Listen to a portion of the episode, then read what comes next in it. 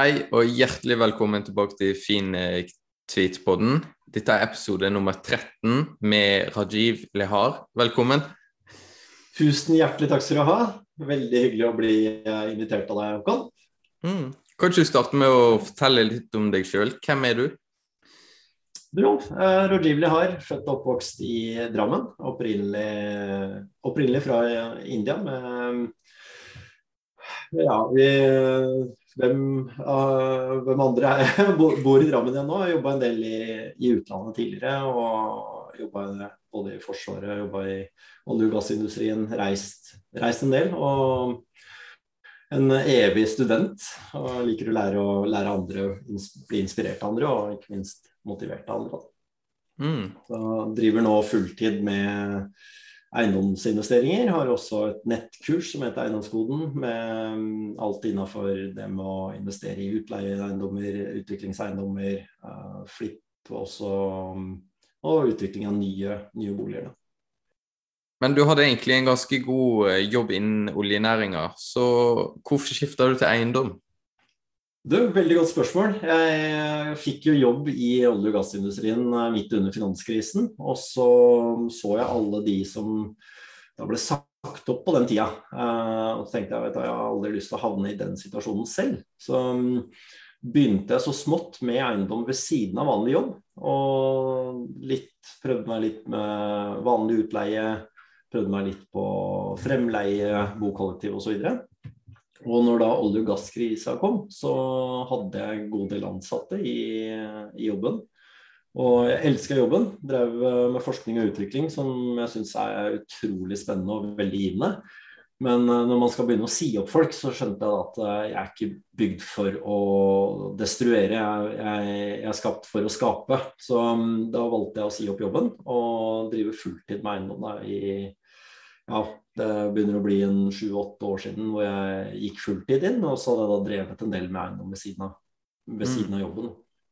Yeah. Så det var vel egentlig transition fra, fra, olje og gass. Og før det så var jeg jo både i Forsvaret og, og drev eh, så smått med sånn små utleie ved siden av studier. Ja, Ja, for du hadde da en passiv inntekt da, til å kunne leve av eiendom når du slutta? Ja, det var jo det som var greia. For jeg hadde jo liksom veldig lenge drevet og Jeg hadde jo hørt om det her med passive inntekter og økonomisk frihet som veldig mange drømmer om. Da, og det samme gjorde jo jeg. Eh, det å ha friheten til å kunne ikke dra på jobben fordi jeg måtte ha lønnsslippen, men dra på jobben fordi jeg virkelig elska det jeg drev med. Og i løpet av den perioden hvor jeg da jobba fra da finanskrisa i 2007-2008 var det vel, eh, og til da 2015, så var det, så var det jo Jeg hadde jo det i bakhodet, ikke sant, med at akkurat ting kan svinge, og jeg kan se en tid hvor folk flyr rundt med disse pappeskene og har siste dag på jobben.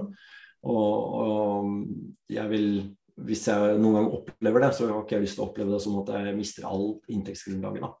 Så, så, da begynte jeg så smått eh, med eiendom når jeg fikk eh, fast jobb og inntekter, med å akkumulere eiendom privat. Uh, men da visste jeg ikke helt hvordan det funka med å bygge porteføljer og litt sånt. Det var egentlig bare i privat regi, men da hadde jeg nok inntekter til å kunne leve av det når jeg sa opp jobben. Så um, så det var litt den tryggheten da, med å kunne jobbe seg ut av jobben. Så jeg brukte jo Jeg har jo en egen, eh, jeg har eget kurs på det med cashflow-metoden som jeg brukte selv egentlig for å jobbe meg ut av jobben. Men det var som sagt Drømmen var ikke å bli arbeidsledig, drømmen var å kunne ha friheten da, til å kunne ta de valgene og, og gjøre det jeg ønsket å gjøre.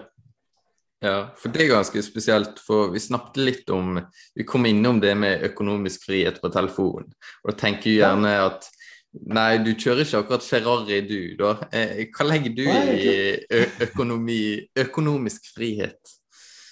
Veldig godt spørsmål det også, fordi uh, veldig mange har jo den drømmen om økonomisk frihet. Men så lenge man ikke definerer det, så er det en vanskelig målsetning å oppnå, fordi du har en sånn moving target. Uh, så jeg pleier å si at økonomisk frihet kan deles inn i typ tre ulike stadier. Det, er, det, det første er jo at du er økonomisk trygg. Dvs. Si at du har mat i magen, du har klær på kroppen og du har tak over hodet. Og Har du da passive inntekter som dekker de grunnleggende behovene, så er man jo per definisjon økonomisk trygg. Da kan man overleve, du er varm på vinteren og du har et sted å sove. Og Det neste er jo det du på en måte har av skal vi si, livsstil, altså økonomisk frihet i form av hytta, bilen du kjører, eh, reiser du har osv. Og Den kan jo da være varierende ut ifra familiesituasjonen. Hvis du har familieforøkelse eller hva enn det måtte være, så ønsker man mer. Men den neste nivået er da mer på livsstilen. Altså type klær, type reiser, type bil, hus osv. Og, og Økonomisk uavhengighet, altså det neste, tredje høyeste nivået, er jo da at du slipper på en måte å tenke på inntektsgrunnlaget. Altså Du har såpass mye passive inntekter, eller såpass mye inntektsgrunnlag som er der, uavhengig om du jobber eller ikke.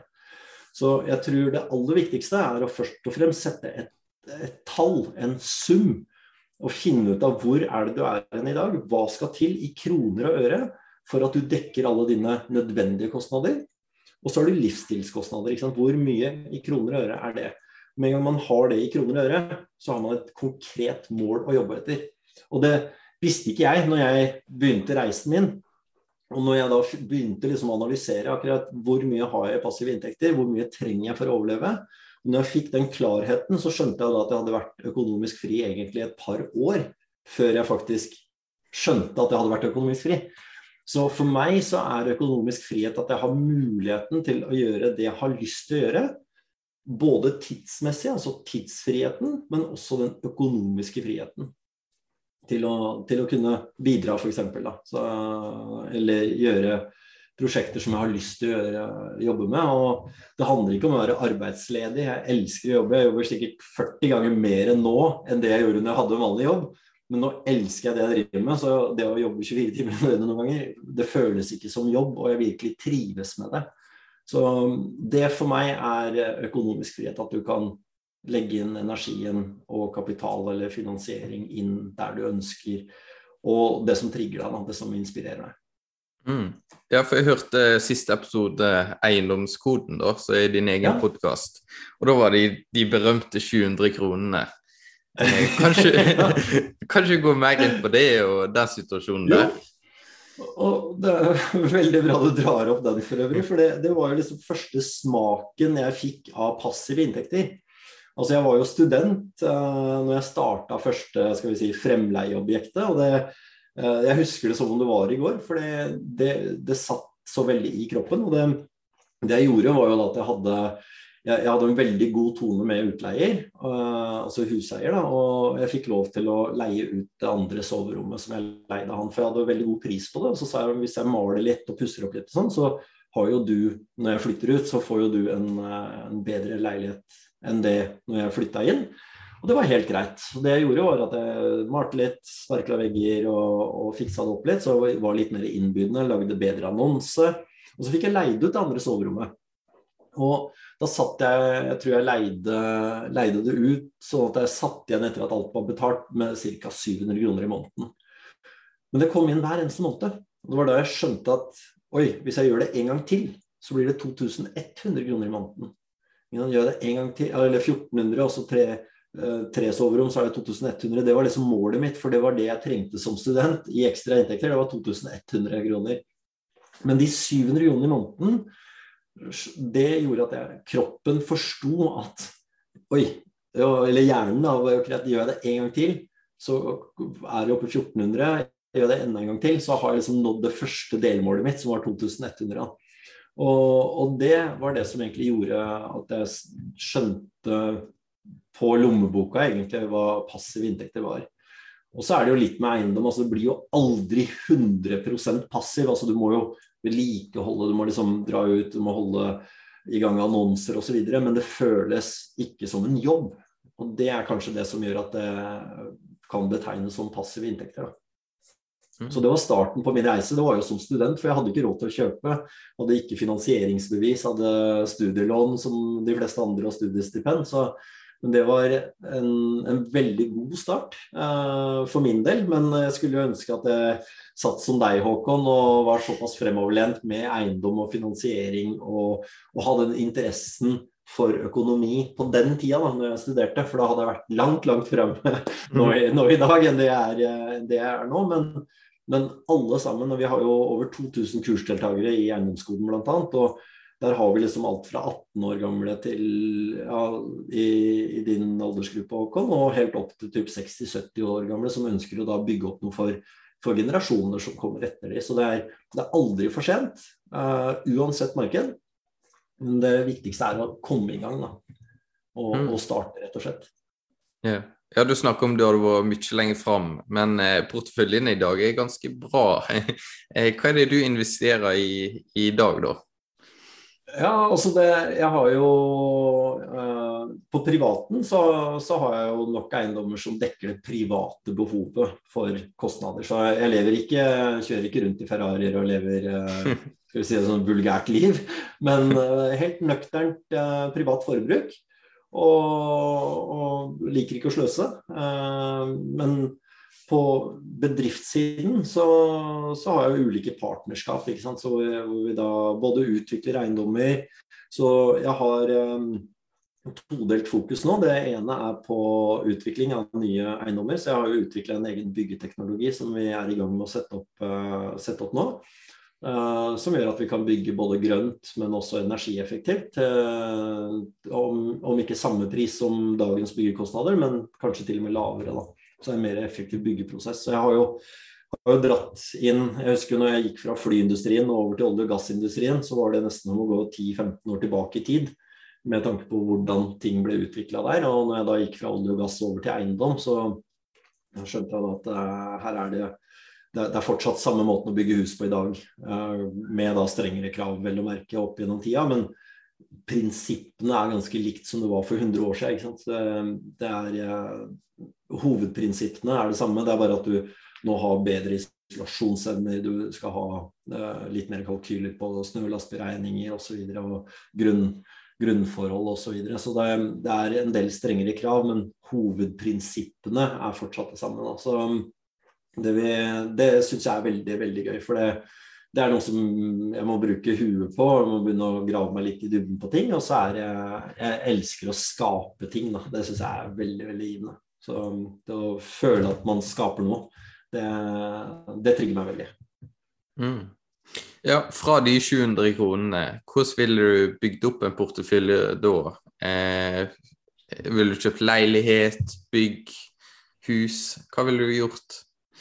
Ja, så kommer litt an på hvilken situasjon man er i. da. Så Hvis man er i en situasjon hvor man ikke har egenkapitalen til å kjøpe f.eks., eller ikke har finansieringa på plass, da kan man jo kanskje begynne med f.eks. fremleie, hvor man da, sånn som det jeg gjorde da, hvor jeg leide av huseier, pusset opp litt, gjorde litt egeninnsats, og så kunne leie ut igjen til en litt høyere sum og kanskje sitte igjen med et par tusen per eiendom man har på fremleie. Eh, det andre er jo hvis man da ønsker å bygge opp en utleieportefølje, så er det jo å se etter typ mindre byer med fortsatt OK befolkningsvekst, og gjerne har da det jeg kaller for hub, altså Hospital University of Business Centers. Altså at du har høyskole, universitet i tilknytning, offentlig transport, universitet eh, eller, eller, sykehus eller business hub, da, hvor man har likviditeten i utleiemarkedet men at ikke nødvendigvis inngangsprisen er for høy. Så hvis du ser f.eks. mindre byer som ja, ta uh, Ålesund, Molde, Kristiansund, Drammen, Kongsberg. Det er forholdsvis mindre byer, men de har eh, tilknytning til sykehus, universitet eller høyskole, og har da uh, tilgang på business, på en måte, altså business centers. Da har man likviditeten til å kunne leie ut til en lavere inngangssum på boligen. Så hvis man da sammenligner det med Bergen, Trondheim, Bodø, Oslo, Kristiansand, hvor inngangssummen er ganske høy, men leieprisen er ca. det samme. Så hvorfor da ikke gå inn lavere og ha ca. Samme, eh, samme leieinntekter? Da får man bedre likviditet. Men du har kanskje ikke med deg den verdistigningen da, som du har i større byene. Og, men jeg satser veldig sjelden på verdistigning på markedet, for det er noe ikke jeg styrer eller råder over. Så hvis markedet svinger, så er man med markedet, og det er ikke noe du har muligheten å påvirke. Men jeg ser jo hovedsakelig alltid etter eiendommer med verdiøkningspotensial, hvor jeg fysisk kan gå inn og skape verdien. Og det, det, er jo derfor det heter verdiskapning, for det er noe du skaper selv. Altså, det heter jo ikke verdifinning. Du finner jo ikke verdi. Så det, det, å se etter noe du kan skape verdi i, gjør at du kan løsrive deg litt fra hvordan markedet går. Altså Om markedet går opp eller ned, spiller ikke like stor rolle når du selv tilfører verdi. Og Det kan være tilføring av verdi i form av oppussing, oppgradering, renovering, seksjonering, utbygging, tilbygg, påbygg, uh, utvikling av ny eiendom. Øke leieinntektene hvis det er næringseiendom. Få på plass nye leiekontrakter som gjør at byggets verdi øker.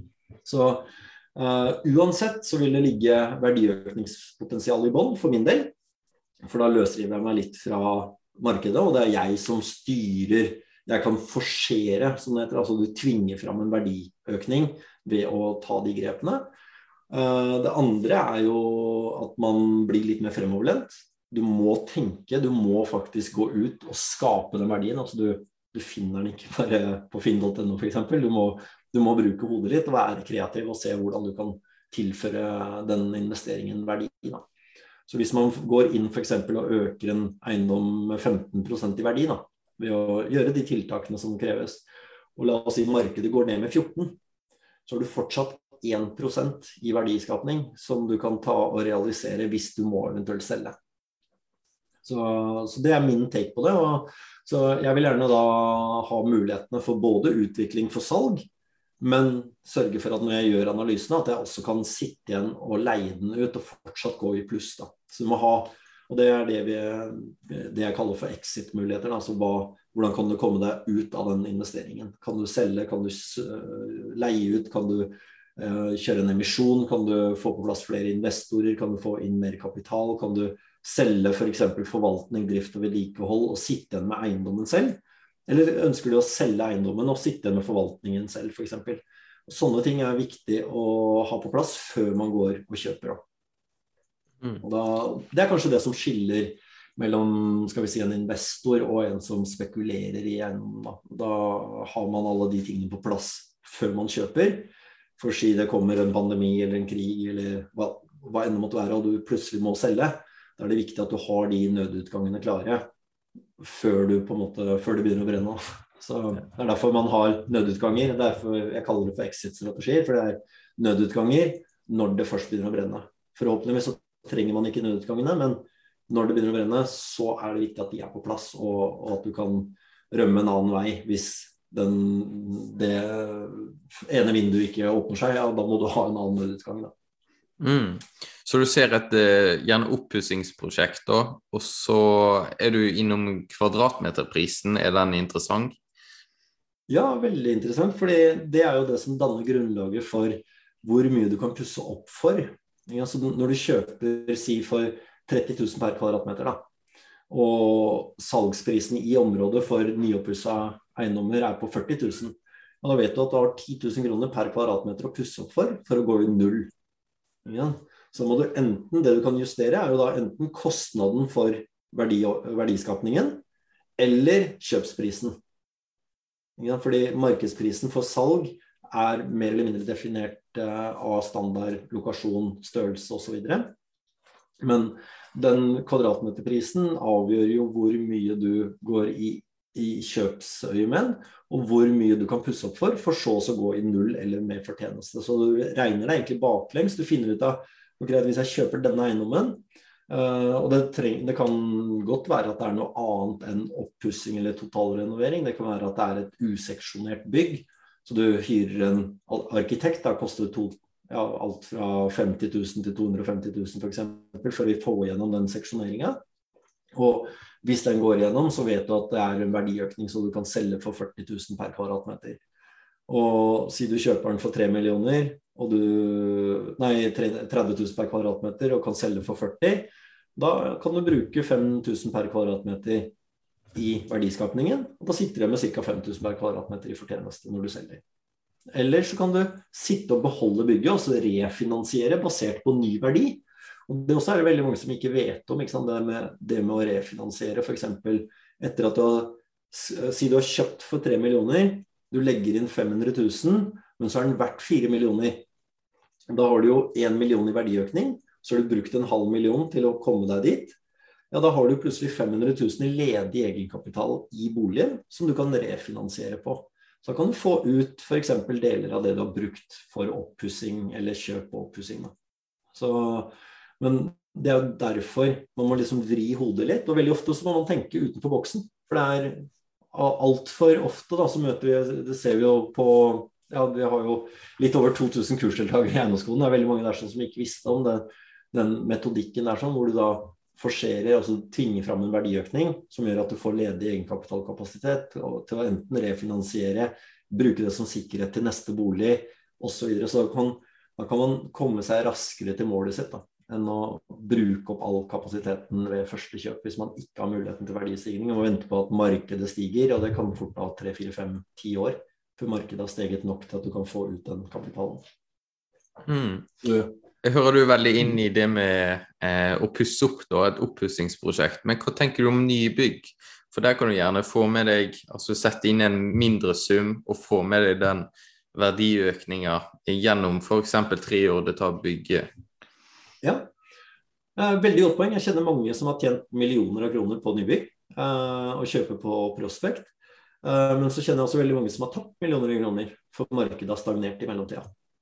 Så da Uh, jeg, jeg, er veldig for tanken med det, men da må man bare passe på at man har en nødutgang på at hvis du ikke får solgt når det er ferdig, da må du kunne leie det ut med en god skal vi si, uh, med en god cashflow. For det som skjer, da, la oss si markedet svinger idet det er ferdig og du skal selge. Da kan du ikke pusse opp.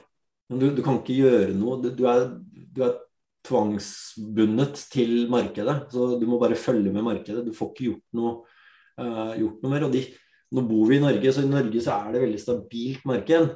Og I de fleste tilfellene så går det bra, men det er bare kjipt å kjøpe akkurat den ene av ti som ikke går bra.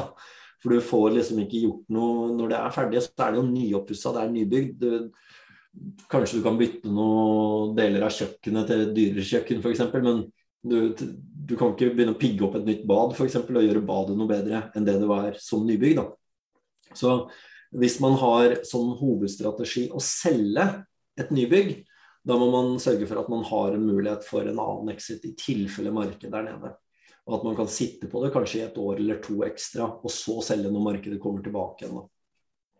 Mm. Så, uh, så der er man jo tilbake igjen til at man spekulerer i at markedet skal vokse mens man bygger.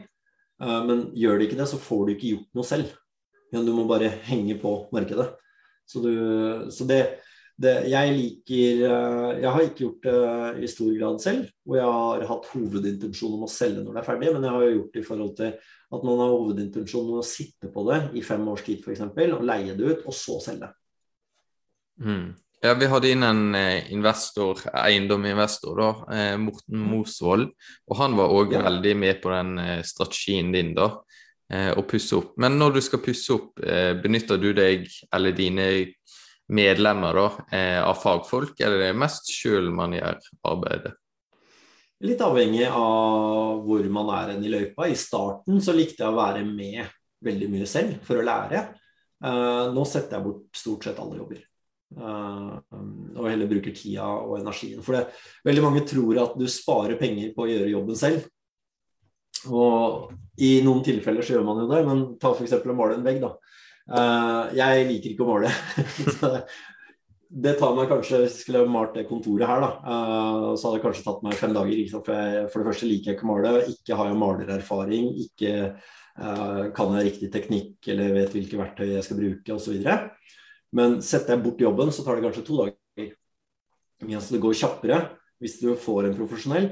Men hvis jeg bruker de to dagene på å skape mer inntekt, så si du har en vanlig jobb, da, og du kan jobbe overtid de timene du kunne ha brukt på å male jobben. Så si du får 700 kroner i timen på jobben på overtid, og så koster maleren deg 500 kroner i timen. Da taper man penger på å faktisk male selv. Mm. Er du med på tanken?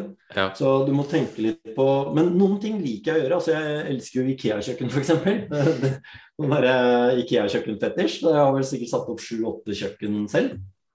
Men det er noe jeg liker, da. Så for meg så er det plutselig, noe jeg trives med Fordi for jeg ser resultatene litt kjappere, og det, det, er, det er, litt gøy å designe kjøkken og plukke ut og, og sette det sammen og sånt, og så er det Ikea liksom, det er, sånn, er enkelt eh, for ufaglært å kunne, kunne, gjøre det, men maling eh, typ sånn snekring eh, syns jeg var gøy en gang i tida, men nå syns jeg ikke det lenger. Altså fikse bad. Synes jeg, alt det setter, setter, jeg ut nå, da. Men der må man tenke litt på tilbake til det eksempelet. Hvis han har muligheten å være på jobben, jobbe overtid og tjene 700 kroner i timen, sette ut jobben koster 500. Hvis du bruker den tida den jobben er satt ut, så tjener du faktisk 200 kroner i timen på å la en maler gjøre jobben, og så går det raskere, og det blir bedre som regel. Hvis ikke du er faglært selv, eller at du har uh, interesse for det selv. Mm. Hvis vi går på problemstillingene, vi har fått noen fra mm. følgerne. Eh, ja. Når inntekten stopper eh, for mm. ekspanderinga, what to do, da er det gjerne den femgangeren man tenker på. Og gjerne når man ja. er student, eh, går det an å bygge en portefølje da? Det er fullt mulig. Da må man tenke litt utenfor boksen. Eh, jeg kjenner flere studenter som er kursdeltakere hos oss, som har fulgt da de, de, malene som vi har, og den sjekklista som vi har. Eh, det fins flere, flere, måter å gjøre det på. Det ene er jo å prøve å skape flere, mer inntekt. Det kan man f.eks. gjøre ved å ha en egen inntektskilde utenom eiendom. F.eks. Ja, når man har en nettbutikk eller driver og selger, kjøper og selger deler, eller bygger opp en biinntekt. Det kan man gjøre, at man øker da inntektsgrunnlaget. Det andre er jo også kanskje å få med en medlåntaker som kan få finansiering. Altså nå tenker jeg kun på den fem ganger inntekt på, på finansiering. Man kan kanskje få med en partner, og det gjør jeg veldig ofte nå hvis jeg skal gjøre en privat investering. Jeg har ikke tatt ut lønn på jeg vet ikke, sikkert fem-seks år. Jeg har bare reinvestert, og så har jeg ikke tatt ut fortjeneste eller, eller lønn. Uh, så jeg, jeg, får ikke noe mer enn lån på meg privat, men da finner jeg kanskje en person da, som har høy inntekt, som har finansieringsbevis. Men da står eiendommen på den personen, så jeg er ikke eier i det huset på papiret. Men vi har en avtale om at jeg kanskje finner investeringsobjektet. Jeg sørger for at det blir gjennomført en verdiøkning. Og så står eiendommen på den personen som har finansieringsbeviset. Og så har jeg kanskje med meg en investor. Så når vi da har gjennomført den transaksjonen, så kan vi dele fortjenesten på tre. Mm. Så man kan gjøre det på den måten også, at man går sammen med en som fordi veldig mange, Og så er det det med eiersjuken. Hvis du klarer å komme deg bort fra eiersjuken, dvs. Si at du må eie for å tjene penger på eiendom, det, det, det, det, var jo sånn jeg starta. Jeg starta med å ikke eie noe. Og, og, bygge opp en inntekt på en, en eiendom jeg ikke eide, bare hadde, hadde, på fremleie. Og Hvis man klarer det, så tror jeg man får gjennomført langt flere prosjekter enn at du på liv og død må sitte og eie den eiendommen selv. Så jeg har gjort det flere ganger. Jeg har flere partnere som kun driver med det. Altså har en med finansieringsbevis, eiendommen står på den personen, får med en investor som har kapital, så er det den personen som gjennomfører og, og jobber. Altså med da sweat equity, som jeg kaller det. Altså at du svetter, svetter selv og, og, tilfører verdi på den måten. Og så er man ferdig med prosjektet, så deler man da enten leieinntektene på tre eh, etter at alle kostnader og skatt er betalt, eller så selger man prosjektet, og så deler da fortjenesten på tre etter at skatten er betalt. Mm. Så det er, lett... det er en måte å gjøre det på. Ja, Så det er lettere da med den eh, egenkapitalen å få den til og med verdiøkning, eller rett og slett spare, enn den femgangeren, da, å løse det problemet? Ja, for Egenkapital kan jo være urealisert egenkapital i eiendommen. Hvis du har skapt verdien, så har du plutselig, eh, og lånet ikke er refinansiert, så har du jo kjøpt med 15% egenkapital, og så har du økt den si med 15% ja, da har du 30% egenkapital i eiendommen, som er urealisert. Som du enten da kan sette i pant for å kjøpe neste, eller hva det måtte være. Og, det, og som man pleier å si, da, hvis du og jeg skal fra A til B, så la oss si vi skal fra Oslo til Stockholm, så kommer vi begge to fra Oslo til Stockholm. Det eneste som er forskjellen, er hvilket kjøretøy du bruker. Altså Hvis du velger å bruke privatfly herfra til, eller fra Oslo til Stockholm, så kommer du dit raskere enn meg hvis jeg velger å spare penger og gå den strekka. Vi kommer oss til Stockholm begge to, men avhengig av hvilket kjøretøy du velger å bruke. Så hvis man er smart og bruker smarte strategier og smarte valg i forhold til kjøretøy, så kan man komme seg til målet raskere. Da. Men hvis du skal kjøpe en eiendom og vente til at markedet har vokst med 15% og det tar deg ti år, ja, du kommer deg fortsatt til målet ditt, men det tar deg bare 10-15 år. Versus da hvis du er, og, er der inne og skaper verdien, så klarer du også å jekke deg opp raskere inn mot målet. Så det er egentlig hovedforskjellen. Det er bare eh, Markedet de siste 100 årene har stabilt sett økt. Og det kommer mest sannsynlig til å gjøre de neste 100 også, men, uh, men uh, spørsmålet er liksom om man skal vente bare på markedsøkninga, eller skal man velge et annet fremkomstmiddel, en annen investeringsstrategi, og så komme seg raskere til målet. Denne episoden er sponset av Børsdata, et av Nordens største og desidert beste analyseverktøy. Bruk koden FINTVITPODDEN for gratis premium i to måneder. Ja, nå kommer vi noen spennende tider i møte da, med den eh, rentehevelsen. Hva tenker du om det med boligmarkedet? Skal det ned? Hva er tankene? Du, eh, hadde jeg hatt den glasskula, så hadde jeg vært milliardær i dag. Men eh, det har jeg dessverre ikke. men det er jo altså renteheving altså vi, Jeg tror, mener jo at vi er litt bortskjemte i Norge. altså Vi har hatt ekstremt lav rente veldig lenge. Uh, Jobba en del i utlandet med da helt andre renter, rentesatser. Altså jeg har vært borti 12-13% utlånsrenter. Jeg har vært borti 15-16. Uh, Snakka for øvrig med, med, pappa i går, og han bare Ja ja, når vi kjøpte på 80-90-tallet, liksom, så var det jo oppimot 20% rente på billån f.eks. Så det, det, har jo vært tider hvor det har vært skyhøy rente før. Jeg tror bare at vi har blitt veldig veldig bortskjemte med de eh, veldig ekstremt lave rentene i det siste. Og renteheving er jo en måte å på en måte påvirke markedet på fra, fra staten, og, og også sett i lys av inflasjon. Um, I forhold til hva som skjer for investorer, altså eiendomsinvestorer, så er jo mye av dette iberegna i kjøpsscenarioet. Så vi regner alltid med f.eks. 5-6% høyere rente og ser at transaksjonen går rundt. Det kanskje akkurat ikke går rundt, men at det er still good to go. Uh, så det er jo renteberegninger må man jo gjøre i kjøpsscenarioet, altså før man kjøper. Hva som kan skje med markedet, det er Jeg har uh, veldig troa på at det kommer til å endre noe. Uh, en eller andre retning, det vet jeg ikke, men at det kommer til å endre noe over en liten periode. Eh, vi så jo at det var jo kjempeståhei når fem ganger inntekt og egenkapitalkrav og boliglånsforskriften kom, og så ble eh, strengere i rundt var det 2016-2017. Og så var det litt endring i markedet en liten periode, og så tok det halvt år, ett år, og så jevna det seg ut igjen og begynte å vokse på vanlig måte igjen. Så, så jeg tror det, det er det kommer til å skje en ganske grei endring der og da, og så jevner det seg ut, og, og man finner liksom tilbake til en ny normal. Men for de som er lånt opp etter eh, øra, altså opp til pipa som det kalles, som ikke har råd til å betjene lånet, da kan det komme ut flere boliger til salg som, som kan være gode objekter. Og det er jo ofte de som Altså de som taper penger når det er markedsendring, det er jo de som må selge. Hvis du ikke selger og kan sitte gjennom den nedgangsperioden, eller hva det måtte være, fram til markedet er tilbake igjen og har en normal kurve igjen, altså om en normal kurve den veien eller den veien, eller den veien, spiller ikke noen rolle så lenge det er en stabil kurve igjen, og ikke må selge i den nedgangsperioden, da har du jo ikke tatt penger. Så det er, det er de tilfellene hvor du er nødt til å selge fordi at du ikke kan betjene lånet, eller fordi at du ikke kan uh, kjøre en verdiskapning i det prosjektet. Det også er en veldig viktig tanke å få med seg nå. altså Hvis man ikke klarer å betjene lånet, ok, går det an å kjøre en verdiøkning på en annen måte? Kan du skille ut? Kan du kjøre en rammesøknad hvis du sitter på en ekstra tomt? Kan du pusse opp, renovere? Kan du øke primærarealet? Altså gjøre om f.eks. bod til primærareal? Kan du søke å få det godkjent?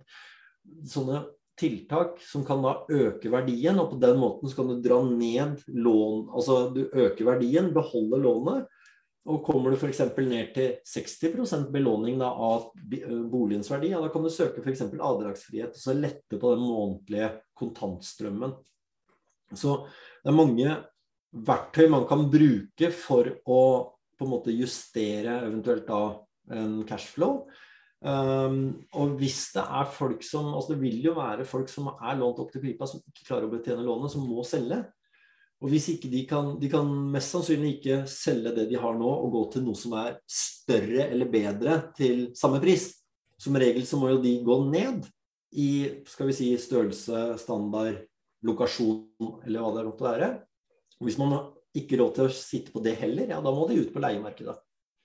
Og, og, og, da vil jo leiemarkedet kunne, kunne, få en større skal vi si, andel av tidligere boligeiere som, som, havner på leiemarkedet. Så noe vil det skje, men der er det viktig å tenke litt på alle scenarioene og være forberedt.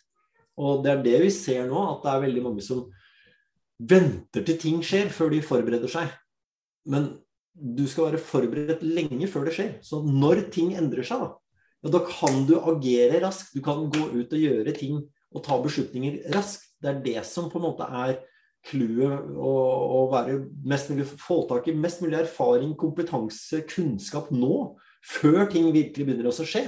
Og om det ikke skjer, so what? Du har i hvert fall blitt smartere. Du er mer forberedt på ting, og du er mer skal vi si, um, forberedt på å kunne ta raske beslutninger og gode beslutninger. Så, så jeg tenker uh, om renta går opp, folk må selge, ja, Kira, da kan det komme noen gode objekter. Vi, tidligere så har jeg også vært med og redda folk eh, som har havna på tvangssalg. Jeg, da er det veldig genialt å kunne komme inn som en løsningsperson. Det som skjedde, var at det, det var en eh, familie som ikke klarte å sitte på boligen. og måtte, Eneste alternativet var tvangssalg, hvis ikke de klarte å betjene lånet. Da gikk vi inn og sa greit, vi kan betjene lånet deres dere slipper å tvangsselge. Dere har bodd i eiendommen. altså Du får en affeksjonsverdi for du er født og oppvokst i boligen f.eks. Og det, det, er, det, er, tungt da, å havne i et sånt scenario. Men da gikk vi inn og sa at akkurat, vi, kan, vi kan betjene hele lånet deres. Vi dekker alle kostnadene, sånn at dere kan sitte som eiere på denne boligen. Mot at vi kan få en opsjon på tomta nedenfor. Så opsjonen betyr at uh, vi søker om å få bygge på nabotomta og kjøper den ut. Når den eh, blir godkjent, og om den blir godkjent, så kjøper vi den ut for en gitt sum. Men fram til den prosessen så dekker vi alle kostnadene. Så når da rammesøknaden var på plass, så kjøpte vi ut tomta for å kunne bygge på den. Og da fikk jo de nok penger til å kunne betjene lånet og nedbetale og så gå tilbake igjen på, på den biten. Og da redda vi altså Det ble plutselig et vinn-vinn-vinn-scenario. Altså vi fikk muligheten til å ut, utvikle, og vi fikk også muligheten til å få en OK pris, samtidig som at huseier kunne sitte igjen og, og måtte, unngikk da tvangssalg. Så det, det, handler om å ha riktige og gode verdier, tenker jeg, og, da, og være løsningsorientert. Da. Så man kunne jo også ha tvunget de på tvangssalg og kjøpt hele eiendommen og tjent dobbelt så mye, men det for meg er ikke etisk riktig. Da. Det, var, det var mer å kunne bidra til å hjelpe til, uh, fremfor å kunne tjene mest mulig på det. Så det ble mm. fortsatt en vinn-vinn-vinn-scenario. Uh, det er veldig viktig for meg. Da, I de fleste transaksjoner jeg ønsker, er at alle parter vinner noe på det. Og som regel når man går i vinn-vinn-vinn-scenario tankesett, så tjener man mindre alle sammen, men alle tjener. Det er bedre enn at det blir skjevfordeling. Så jeg tror man har man riktig tankesett og er løsningsorientert og er villig til å på en måte være kreativ og, og se til løsninger, så kan man skape veldig mange gode transaksjoner i tiden som kommer. da. Mm. Ja, du snakket med deg tidligere, da, da mente du at eh, eiendom kom til å bli, altså, utleie kom til å bli mer lukrativt. da. Eh, men når rentene hever, så trenger vi gjerne mer inntekt for å dekke det. Har du en gjeld, altså en avkastning, som du må ha for at det skal gå rundt? Uh, jeg, er, jeg, regner veldig sjelden på yield som i et minimumskrav. Uh, yield bruker jeg som altså Dette er bare mitt perspektiv. Alle tror jeg tenker forskjellig på det, og alle har forskjellige krav på det. Jeg tenker mer på yield uh, når jeg skal sammenligne eiendommer og eiendomsinvesteringer. Men for meg så er det mer viktig å uh, kunne skape den verdien fremfor å sitte igjen med mest mulig uh, profitt i andre enden. Men selvsagt så skal det være en cashflow-positiv transaksjon. Og hvis man ikke klarer renteøkning, da har man gjort noe feil i kjøpsscenarioet. Da har man ikke tatt høyde for renteøkning når man kjøpte i sin tid. Eller så har man da refinansiert og lånt opp til at man ikke klarer å betjene det.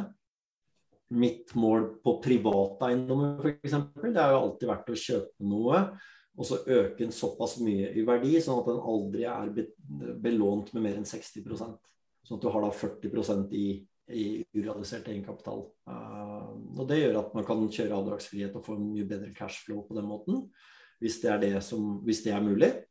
Uh, hvis ikke det er mulig, så må man uh, se akkurat er det andre løsninger alternativer du kan gjøre, eller velge å selge og så kjøpe en, en transaksjon som faktisk går igjennom. Så uh, når det kommer til cashflow, så er det jo viktig at det blir en cashflow-positiv sak. Og worst case scenario, hvis det ikke er det, klarer man da å sitte på den eiendommen i si to til tre år og legge inn det mellomlegget fra privatøkonomi for å unngå å selge når markedet er nede for så å vente til at markedet kommer opp. Og så kan man selge og dra ut eventuelt av den gevinsten, eller få igjen deler av den kapitalen som du har spytta inn selv. Da. Uh, så det, det, er en, det, er en, mulighet. Og da, grunnen til at jeg sa at med leiemarkedet kommer til å kanskje være mer lukrativt, er jo fordi at det vil være flere når man da det er flere boligeiere som ikke har råd til å sitte på det, må selge. Da må de mest sannsynlig kanskje da enten nedgradere kravene mindre bolig, dårligere lokasjon, dårligere standard. Eller leie til samme størrelse, lokasjon og standard, men da må ut på leiemarkedet. Det vil jo gjøre at leiemarkedet kanskje ser en større økning i, i interesse enn kjøp. Da. Så en av de markedene vil alltid eh, Er det veldig press på leiemarkedet, så vil det være lite press på kjøp, og så vice versa. Da. Men um, jeg aner ikke hva som kommer til å skje, eh, og hvordan ting vil skje, men jeg er forberedt på alle mulige scenarioer. Eh, og det er kanskje det beste tipset. Det er, liksom, det er, det er den tida vi er i nå, hvor man skal finne ut av alle de ulike løsningene man kan gjøre. Hva slags type scenarioer kan man havne opp i, og hva slags type løsninger kan man eh, komme med. Mm. Hvis vi tar avslutningsvis eh, Hvis du ville begynt på nytt igjen, hvordan ville du bygd opp eh, eiendomsporteføljen? da jeg starta på nytt, så hadde jeg først og fremst skaffa meg lærdom, utdanning og kompetanse fra folk som har gjort det. Først og fremst funnet eh, noen som er der du ønsker å være, og sitte på den type portefølje som du ønsker å skape. Og så hadde jeg lært av de og vært lærevillig. Og det verste man kan gjøre, er å være en besserwisser innen eiendom, ting endrer seg. Ting som måten man gjorde transaksjoner for fem år siden, funker kanskje ikke like lukrativt i dag osv. Så, videre, så man må alltid være litt fremoverlent. Um, jeg tenker uh, kanskje hatt enda mer fokus på verdiskapning uh, nå enn det Altså, jeg gjorde jo det ikke bevisst i starten med verdiskapning. Jeg likte å pusse opp osv., men så så jeg at det, så utfall, det ble så stort utfall i bakenden. Og da skjønte oi, her er det mye penger å hente på, på, investeringsobjektene når du faktisk tilfører verdi, enn at du venter bare på at markedet skal øke sakte, men sikkert. Men at du går inn og får disse hoppene når du da tilfører f.eks. ved å skille ut eller bygge ut eller tilbygg, påbygg, nyutvikling osv. Så, skulle jeg valgt en portefølje i dag, så hadde jeg kanskje valgt eh, hatt enda mer fokus på verdiskapning. Og, og, vært mindre kritisk til å måtte eie selv. Så jeg hadde jo eiersjuken en gang i tida, jeg også. Og jeg bare ja, må eie. Men, men, vært mer åpen for eh, partnerskapsløsninger med, med, andre for å komme meg videre raskere. Da. Og, og uh, jo, gjerne jobbe med folk som er ulik deg selv. Ha styrker som er dine svakheter. Finne motsvarende partnere enn det, det du er selv. Så det, det, er fremgangsmåten jeg hadde brukt i dag. Og type portefølje hadde kanskje vært i nå har jeg jo sant, erfaring og kunnskap og kompetanse litt mer enn det jeg hadde før. Nå er jeg på langt nær ferdig utlært og har mange mange år igjen å, å, lære på. Så jeg hadde nok alliert meg med folk som er flinkere enn meg. Um, og, og, vært med på den type prosjekter. Og så gjort det innenfor det som er litt utenfor komfortsonen, men ikke for mye, fordi da kan nedsiden bli for stor igjen. Da. Så være, være innenfor komfortsonen, men tyne den litt og litt hele veien, sånn at du lærer noe nytt hele veien. og du uh, henger med mer kreative mennesker enn det du er selv, på en måte, og da, da plukker opp en del ideer og tanker derfra. Uh, og så hadde jeg vært uh, kanskje sett på lokasjoner som ikke er nødvendigvis på hjemmefronten. ikke sant? Du trenger ikke å måtte kjøpe nødvendigvis der du bor. Man kan med partnere kunne gjennomføre transaksjoner utenom også. Så, og så hadde jeg ikke vært uh, En av de lærdommene jeg fikk veldig tidlig, var jo at jeg var, hadde lært av de store investorene at ja, du må ikke gi for mye, du må liksom ha mest mulig selv og alt det der sånn. Og det, for meg så har det vært stikk motsatt. Det å være litt raus i starten, i startfasen.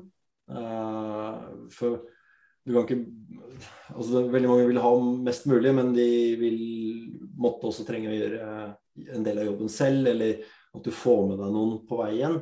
Vær litt raus i starten, sånn at du kan gjennomføre flere prosjekter istedenfor å gjennomføre færre prosjekter, men at du sitter med mest mulig fortjeneste. Så eh, jeg vil mye heller ha 10 av 100 transaksjoner eh, hvor jeg er delvis involvert, enn 100% av én transaksjon hvor jeg må gjøre alt selv. Det var god avrunding. Så da vil jeg bare takke for at du kom. Eh, jeg håper du Tusen hjertelig takk for invitasjonen, Håkon. Det satte jeg veldig pris på. Jeg syns det er eh, utrolig spennende det dere gjør, og det dere har fått til. Så det står veldig stor respekt av. Og at dere er såpass unge og fremoverlente, det, det støtter jeg og kommer jeg alltid til å støtte. For det, det, er dere som kommer til å danne mye av det markedet som kommer nå i, i fremtiden også. Så kjempebra jobba. Stor tommel opp til dere, Håkon. Takk for det. Og takk for dere lytta til eh, dagens podkast-episode. Så ses vi i neste episode. Adios.